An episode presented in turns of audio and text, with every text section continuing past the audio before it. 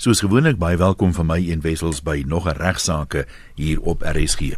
Hierdie program word moontlik gemaak deur die Prokureursorde van Suid-Afrika en word namens die Prokureursorde aangebied deur Ignas Kleinsmid van van Velden Duffy Prokureurs op Rustenburg. Ignas, môre sê. Goeiemôre Ian, goeiemôre aan al die luisteraars. Uh, ek wil graag so 'n bietjie afskop Ian met 'n uh, bietjie iets wat boedelbeplanning. Hoe maak ek seker dat my minderjarige kinders behoorlik versorg is by my afsterwe en uh met die ouderdom het ek nou deesdae begin spesialiseer op sakelike boerbeplanning en en dis gewoonlik maar toegespits op die welvarende deel van ons gemeenskap.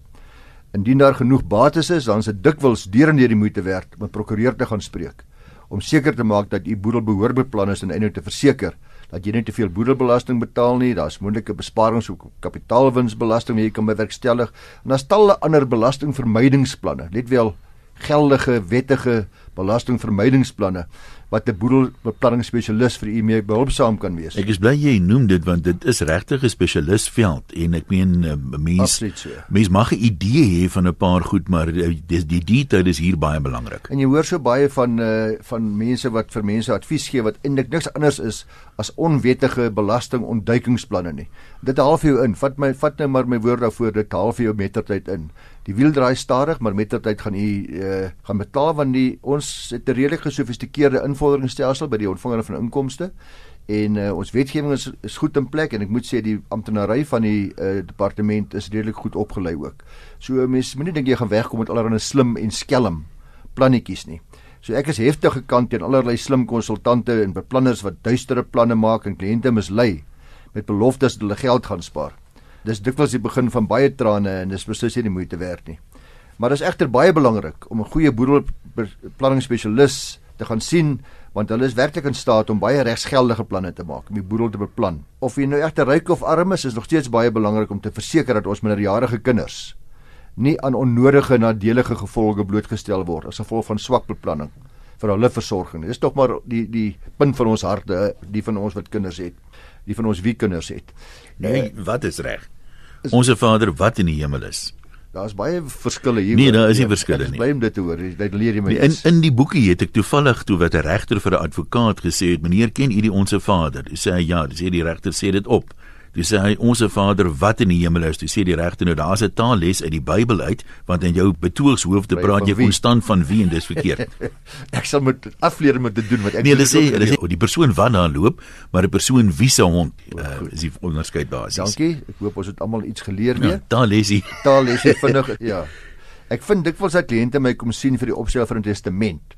Dis dan as hulle beplan vir 'n situasie waar die langslewende alles erf want hulle is doodtevrede dat die langslewende ma of pa behoorlik vir die kinders sal sorg tot en met daardie persoon se afsterwe weer. Nou ongelukkig gebeur dit tog van tyd tot tyd dat albei die ouers, die ma en die pa gelyktydig te sterwe kom, byvoorbeeld in 'n motorbotsing of een of ander tragedie wat plaasvind.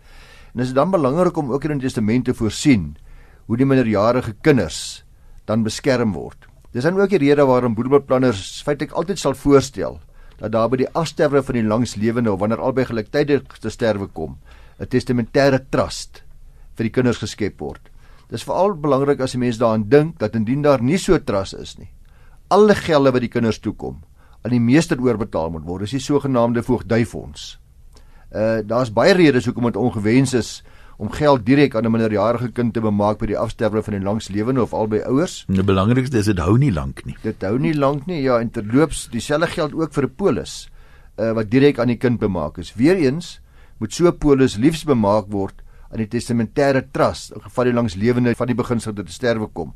Of weer eens waar albei gelyktydig te sterwe kom. Gewoonlik sê mens in die testament binne 'n sekere tyd sê byvoorbeeld ja. binne 30 dae vanaf mekaar te sterwe kom. As daar niks uh, begunstigde benoemings op so 'n polis is en dan gaan hy outomaties boedel toe. Korrek en onthou net maar net daar's ook natuurlik 'n ander situasie waar wat mense dikwels kry waar die minderjarige kinders nie beskerm is teen die nuwe man of die nuwe gade of eggenoot van die langslewende nie wat nogal ook dikwels ja, almal is nie altyd ewe lief vir mekaar. Want, want, ons ken ook ons gades, ons weet of hoe sterk hulle is of hoe hoe, hoe maklik hulle dalk oortuig gaan word deur mense wat vir hulle teiken om hulle geldjies te belê op ja, verkeerde plekke. Ja, daar's 'n balans tussen dit en dan kry jy ook mos hierdie testateurs wat uit die graf uit wil regeer wat jy sekerlik ook so, ken. Absoluut so. Nou heel dikwels sal 'n kliënt reageer teenoor my deur te sê dat hy of sy reeds die probleem opgelos het, want ons het 'n voog aangestel. Nou uh, dis korrek dat ons 'n voog vir ons minderjarige kinders kan aanstel in ons testament.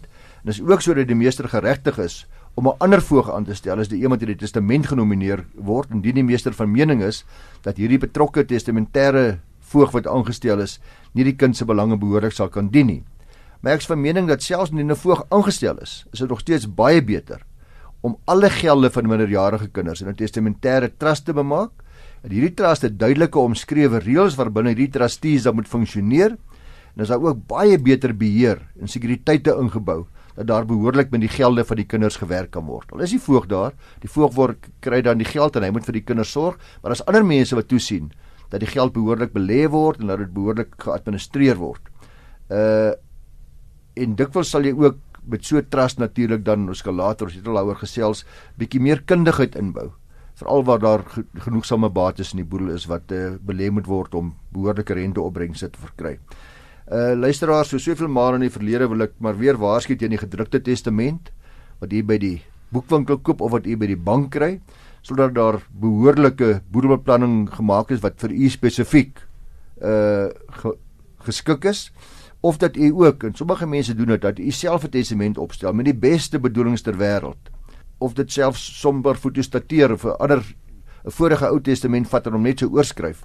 Waar daar minderjarige kinders is, asseblief, ek vra mooi moet asseblief seker maak dat u testament behoorlik vir hulle beplan deur middel van 'n goeie testament wat u bespreek het met 'n kenner en wat dikwels dan voorsiening sal maak vir so 'n testamentêre trust. Gaan sien 'n prokureur, iemand met kundigheid Ek wil u verseker dat die gelde wat die prokureurs vra vir 'n eenvoudige testament werklik in die meeste gevalle gering is en dit vir u en vir al die kinders na u afsterwe baie trane en koste gaan bespaar. Sodra daar behoorlike boedelbeplanning gedoen moet word vir die van u wie se bates dit regverdig, dan sal die prokureur doen sy teen sy of haar normale uurlikse vergoeding. Terloops, daar's elke jaar wat uh, by die prokureursorde van Suid-Afrika 'n testamente week aan Uh dit's iewers in September, ons sal op hierdie program vir u nog behoorlik op die hoogte daarvan hou as die datum nader kom.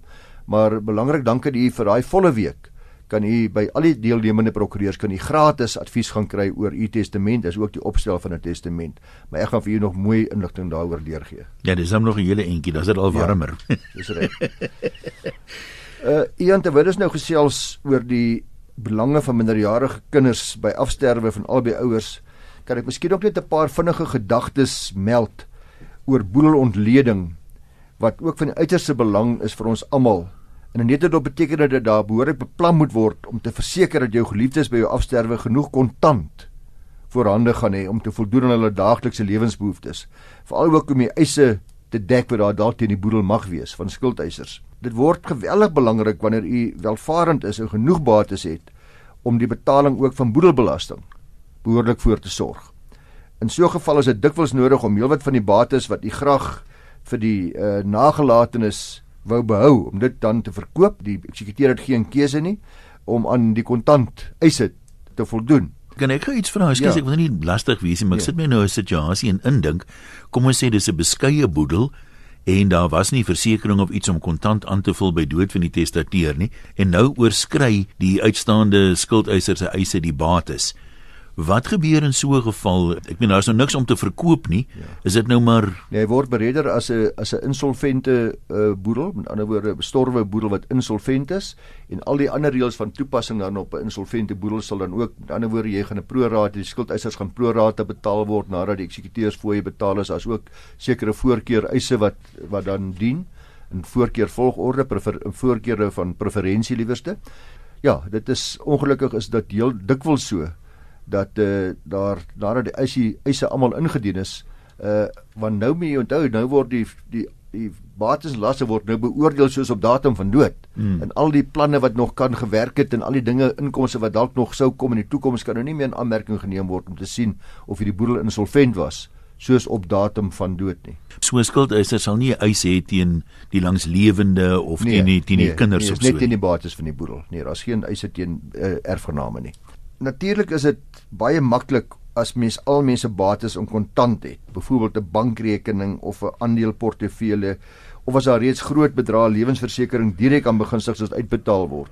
Maar maar vind ek as boedelbeplanner luisteraars en ek seker ook my ander kollegas dikwels dat daar nie behoorlike boedelontleding gedoen is uh voor die testament uh, te werklikheid word nie en dit is dikwels tot erge nadeel van die erfgename.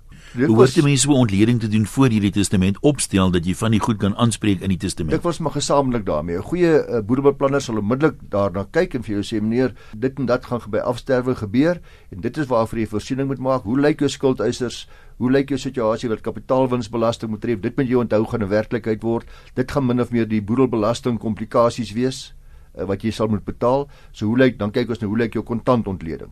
Dan sal mens bepaal, wel ek het 3 miljoen rand nodig of ek het R30 nodig of ek het geen gelde nodig. Daar's oor genoeg kontant in hierdie boedel. 'n uh, Ander waarskuwing wat ek ook wil rig in aanleiding van jou vraag Ian is uh, om nie te wag met boedelontleding en behoorlike boedelbeplanning eers wanneer jy die dag gaan aftree nie. Dis wat baie mense doen dat ek maar wag tot ek aftree, dan sal ek nou dit gaan kyk wat dit nou regtig behels. Dis dikwels heeltemal te laat en dikwels kwalifiseer jy ook nie meer op daardie ouderdom vir behoorlike lewensversekering wat soms 'n oplossing is om tekorte aan te vul nie.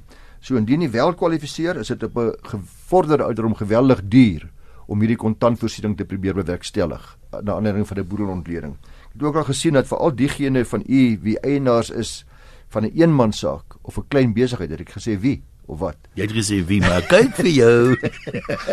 Want eienaars is van 'n een eenmansaak of 'n klein besigheid dikwels nie besef dat dit geweldig moeilik is om mense aandele in so klein besigheid te verkoop nie, ook minderheidsaandeelhouers. Jy bereken 'n waarde daarop wat gebaseer is op herverkoop aan derdes in 'n goeie mark en dikwels is dit 'n totale oorwaardering van die waarde van u bates. Dit vind ek gereeld by boedels dat mense het 'n totale oorwaardering gemaak van die waarde van hulle eiendomme en hulle in hulle in hulle uh, ander bates wat hulle gedink het. Dis maar 'n natuurlike menslike ding, 'n reaksie. Ja, dan dan is ons almal optimiste. Ja, dis reg. Ons as eksekuteurs vind dan dat daar 'n baie beperkte mark is, dikwels vir 'n klein besigheid uh, of 'n klein aandeel in 'n besigheid. Slegs jou vernoot of die ander aandeelhouers wat dan natuurlik gaan misbruik maak van die situasie dikwels en dat 'n uh, behoorlike vraag en aanbodprys nie behaal kan word nie. Niemand wil 'n aandeel koop saam met iemand wat hy sê glad nie ken nie. Mm. Uh dikwels of niemand wil 'n aandeel hê met u saam met u vrou nie. Is hy hoe oulik? Uh hy ken haar nie of u dogters of u seuns of wie ook nog al dit mag wees nie. So uh dikwels lei dit daartoe dat die verkoop van hierdie bate nie regtig die kontant tekorte aanvul soos u gehoop het dit sal doen nie. Die kontant wat in alle boedels altyd nodig byvoorbeeld sal wees. Dit moet idee te gee luisteraars as begrafniskoste, asook eksekuteursgelde. Dit moet in kontant betaal word. Waar daar vaste eiendom is, kan dit ook behels die kostes om die oordrag van die eiendom aan die erfgename te bewerkstellig. Dis die prokureurskoste, sou gelukkig daarom die here regte betaalbaar in so 'n geval nie. In groter boedels kan daar ook boedelbelasting wees soos ek gesê het en uh, daar's dikwels natuurlik ook 'n klomp skuldeisers wat betaal moet word en natuurlik ook kapitaalwinsbelasting. Nou met betrekking tot eksekuteursgelde, dis 'n wenk wat ek dikwels gee met iemand maar dit mooi in die oor knoop. Is daar niks meer fout om in u testament te bepaal dat u eksekuteur slegs geregtig sal wees op 'n sekere persentasie van die normale eksekuteursgelde nie. Die meeste prokureurs sal dit so aanvaar, veral as die boedel redelik eenvoudig is of maklik is of goed beplan is uh, as die sake met ander woorde goed in orde is. Wanneer jy dus 'n prokureur wil aanstel as 'n eksekuteur, is jy welkom om vir hom te vra of hy bereid sou wees om byvoorbeeld dit te doen teen 2%. Normale tarief is 3.5%. 3.5%. So 2% is amper die helfte daarvan of selfs die helfte daarvan 1.75%. Die prokureur uh soos by ons sal ons dan kyk hoe lyk hierdie boedel as hy behoorlik ons sal 'n lening vinnig doen. Ons sal kyk of daar uh of die vaste eiendomme of daar genoeg kontant in die boedel gewees of waar klomp probleme gewees sien dadelik of 'n boedel behoorlik beplan en uh, as jy 'n bietjie ontleding doen en dikwels sal mense dan bereid wees om die erfgenaam tegemoet te kom met die eksekuteursgelde. Daar's natuurlik ook die ander moontlikheid dat jy stel iemand jou familielid aan as eksekuteur tesame met die prokureur, dan kry elkeen 1,75%. In daai geval sal jou seun of jou dogter al die dokumentasie gaan kry, 'n klomp huiswerk gaan doen, help met die inventaris en die prokureur sal meer die regstegniese aspekte daarvan hanteer. Dis ook 'n 'n wenk wat ek dikwels vir ons luisteraars gee en vir my eie kliënte gee. Ek gaan nie nou vermoei al die verskillende planne wat gemaak kan word nie. Dis redelik uh, elkeen se verskil maar van geval, geval tot geval ja. afhang, ja. Maar ek dink hier aan dinge soos gewone lewensversekering, ook byvoorbeeld kredietlewensversekering om die betaling van krediet te dek. Uh, hier dink ons veral byvoorbeeld aan verbandsversekering wat seker maak dat jou huis klaar betaal is by afsterwe wat gewoonlik in die meeste van ons gevalle die enigste werklike groot bate is. Nou watter plesier is hy afbetaal is in die nagelatenis die erfgenaam, die vrou of die man wat oorbly hoef nie meer die verband te betaal nie. Dit maak daar 'n reuse verskil aan daardie persoon se se lewe en uh, dis dikwels wat my betref ek het dit al voorheen gesê Ian nogal voordelig om vooraf met jou erfgename te gesels oor die bates wat hulle behoort te verkoop, hoe jou boedel lyk, hoe jou beplanning lyk, hoe jou ontleding lyk. Sê hoor julle, dis die situasie. Hierdie is 'n eiendom wat goeie inkomste gaan gee. Hierdie is 'n eiendom wat jy nie moet verkoop nie. Sy hier geld geskaleer elke jaar met 6 of 7 of 8%. Dis 'n uh, baie goeie uh, inkomstegewende bate.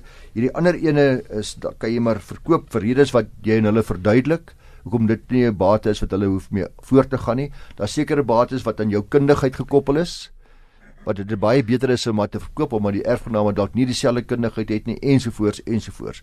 Maar 'n goeie gesprek met jou erfgename, baie mense sien nie daarvoor kans nie, dink ek nogal is gewoonlik uh, positief. Ter opsomming dis Ian luisteraars, wil ek maar net beklemtoon hoe belangrik dit is dat u 'n prokureur wat spesialiseer in boedelbeplanning gaan spreek om die boedel behoorlik te ontleed en te beplan sodat u gerus kan slaap dat daar gekyk gaan word na u naasbestaanes by afsterwe. Ek het reeds gesê dat die kostes per uur wat u gaan betaal aan 'n goeie boedelbeplanningsprokureur deur en deur die moeite werd is en is altyd vir my verstommend. Ek kan dit net nie glo nie. Dat iemand wat jare, weke, dekades spandeer het om bates op te bou, om 'n behoorlike boedel op te bou, dan skielik te synig is of daarteen opsien om 'n uur of 2 by 'n prokureur te gaan spandeer om te verseker dat al daardie swaar verworwe bates, daardie goed wat vir hom so dierbaar en so na in sy hart lê, want dit kry baie sulke mense, dat dit by sy afsterwe kan bly voortbestaan tot die beste voordeel van sy of haar erfgename. Een van die jong prokureurs daar by ons kantoor by Van Velden Duffy in Rustenburg was Esmarie McCalligan. Nou sy het aangehou dat ek moet bietjie oor mediasie praat in die Landdroshof en sy het ook vir my 'n stukkie opgestel want mediasie is die proses luisteraars en is eintlik baie belangrik om daaroor te gesels. Dit is nie iets waarby ek regtig redelik betrokke is nie, maar dis 'n proses waarby 'n onafhanklike derde party, die mediator dan nou, partye bystaan om hulle geskilpunte te identifiseer en te probeer verminder of te probeer oplos. Met ander woorde om 'n oplossing te vind vir 'n geskil wat vir beide partye aanvaarbaar is. Dis natuurlik altyd 'n wen-wen situasie as dit suksesvol is in teenstelling met litigasie wat gewoonlik 'n uh, sê sy hier in wat sy vir my geskryf het 'n wen-verloor situasie is. My sê siens dikwels 'n verloor-verloor situasie is. Die mm. enigste wenner soos die prokureur sê ek dikwels by litigasie. Die landersoewe word oorlaai met sake en dit is werklik so. Die uitstel datums vooruit is net groot frustrasie vir alle prokureurs sal dit bevestig. Kan maande vat dit om 'n verhoor datum te bekom nadat die pleitstukke afgehandel is. In Desember 2014 het hoofstuk 2 van die Landros of uh, wet in werking getree en hierdie wet maak spesifiek voorsiening vir 'n vrywillige mediasie in die Landroshof. Nou die prosedure is as volg. Wanneer moet 'n saak te mediasie verwys word? Dit is op enige stadium tydens die litigasieproses, dis voor of tydens die verhoor met ander woorde. Kan ek vra vir mediasie maar voor vonnis toegestaan word? voor uitspraak gelewer is dan. Ja, ons praat hier van siviele vonnisse. Siviele vonnisse. Indien die verhoor reeds 'n aanvang geneem het, dan kan mediasie net aangevra word en toegestaan word met die hof se toestemming indien die partye dan die saak op daardie stadium eers na mediasie verwys. Prakties gebeur dit redelik baie dat op 'n stadium 'n saak verdaag word in 'n poging dat die partye 'n skikking bereik. Ja, om 'n klomp as jy nou sien hierdie ding gaan jare vat, jy weet, in die raad. Ja, en dikwels sal die landros uh die regters baie meer. Maar die landros te ook sal dikwels jou aandering gee. Sê meneer Kleinsmid, jy met jou met jou kliënt praat. Meneer, julle twee, hierdie advokate hierso wat hier voor my staan, as ek julle goeie raad kan gee. Ek gaan die hof nou vandag. Gaan praat met julle twee kliënte wat ek kan klaar sien. Ons gaan lank hier wees, dit gaan nou niemand se belang wees nie. Ek wil nou hmm. voorstel dat hierdie saak geskik moet word. Uh en dis 'n baie lekker aanduiding dan uh, om jou kliënte oortuig daarvan dat mediasie of verskikking nie moeite werd is.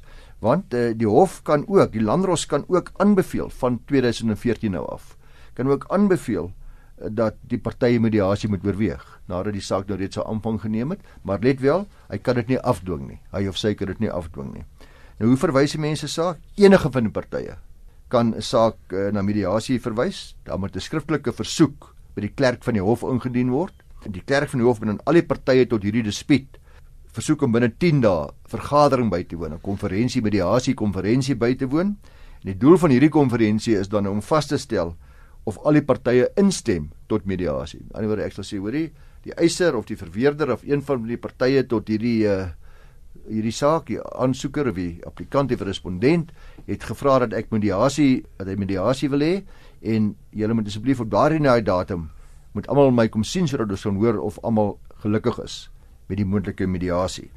Nou indien die partye tot 'n dispuut toestem tot mediasie, moet een van die partye dan die klerk van die hof skriftelik in kennis stel daarvan en daar 'n voorgeskrewe vorms wat gebruik moet word en indien aksie reeds ingestel is en daar 'n saaknommer sou wees, dan moet die klerk van die hof aan hierdie kennisgewing op die hof lê organiseer. So nou nou het ons toegestem tot mediasie. Nou kan daar 'n aanstelling plaasvind van die mediator en die partye dan in samewerking met die klerk van die hof moet die mediator aanstel. Verloops as die prokureursorde van Suid-Afrika namens wie ons hierdie program aanbied, doen uitstekende opleiding van mediators. Daar's 'n klomp prokureurs wat al kwalifiseer om as mediators aangestel te word en by die hof sal daar 'n redelike lys wees van mense wat bevoeg is om hierdie werk te doen, gewoonlik redelike senior kollegas en indien daar nie konsensus bereik kan word oor wie aangestel word as mediator tussen my en die ander party en dan die klerk van die hof nie, dan moet die klerk van die hof die finale besluit neem. Uh hy moet dan ook hy of sy moet dan ook die tyd, die plek en die datum van die mediasie vasstel. Die verdere pligte sluit in om die partye by te staan om 'n behoorlike mediasie ooreenkoms daar te stel wat die partye onderteken moet word. Nou die eiser dan in, in aanhalingstekens moet 'n eensetting van sy eis lees hier net soos in die vorm van 'n dagvaarding of besonderhede van vordering binne 10 dae na ondertekening van die ooreenkoms, dan moet die verweerder binne dieselfde tyd weer 'n eensetting gee van sy verweer uh en ook by die klerk van die hof leeseer en indien die tierig die aksie reeds 'n aanvang geneem het en daar is al 'n dagvaarding en is al 'n verweerskrif of pleit dan kan dit net so ingedien word. Daar is nie verdere dokumentasie nodig nie. Die partye is ook geregtig om al hulle bewysmateriaal, dokumentasie by die klerk van die hof in te dien, alles wat hulle by die mediasie wil gebruik. En uh, dit moet minstens 7 dae voor die mediasie datum dan ingehandig word. En uh, natuurlik het elke party ook die reg om verteenwoordig te word by mediasie. Maar onthou regsverteenwoordiging is nie verpligtend nie en ek uh, my eie persoonlike mening is dat mense moet waarskynlik maar wegbeweeg van regsverteenwoordiging omdat waarskynlik dit die mediasie soveel makliker maak heel dikwels. daarmee sê ek nie jy kan nie 'n prokureur gebruik nie, maar omdat mediasie 'n informele proses is. Jy kan niks verloor daardie. Dit gaan in 'n poging om te hoor hoe wat is jy bereid om toe te gee. Is 'n vat en gee situasie. Dit is dikwels nie regtig nodig om die kostes aan te gaan van die regsverteenwoordiging nie. Maar jy het die reg om om dit te om aan te stel. Nou, as jy die mediasie suksesvol was, met ander woorde daar's 'n oplossing bereik tussen u eh, en die ander party tydens mediasie dan word daar 'n skikingsooreenkoms opgestel en die mediator gaan nie daarmee help.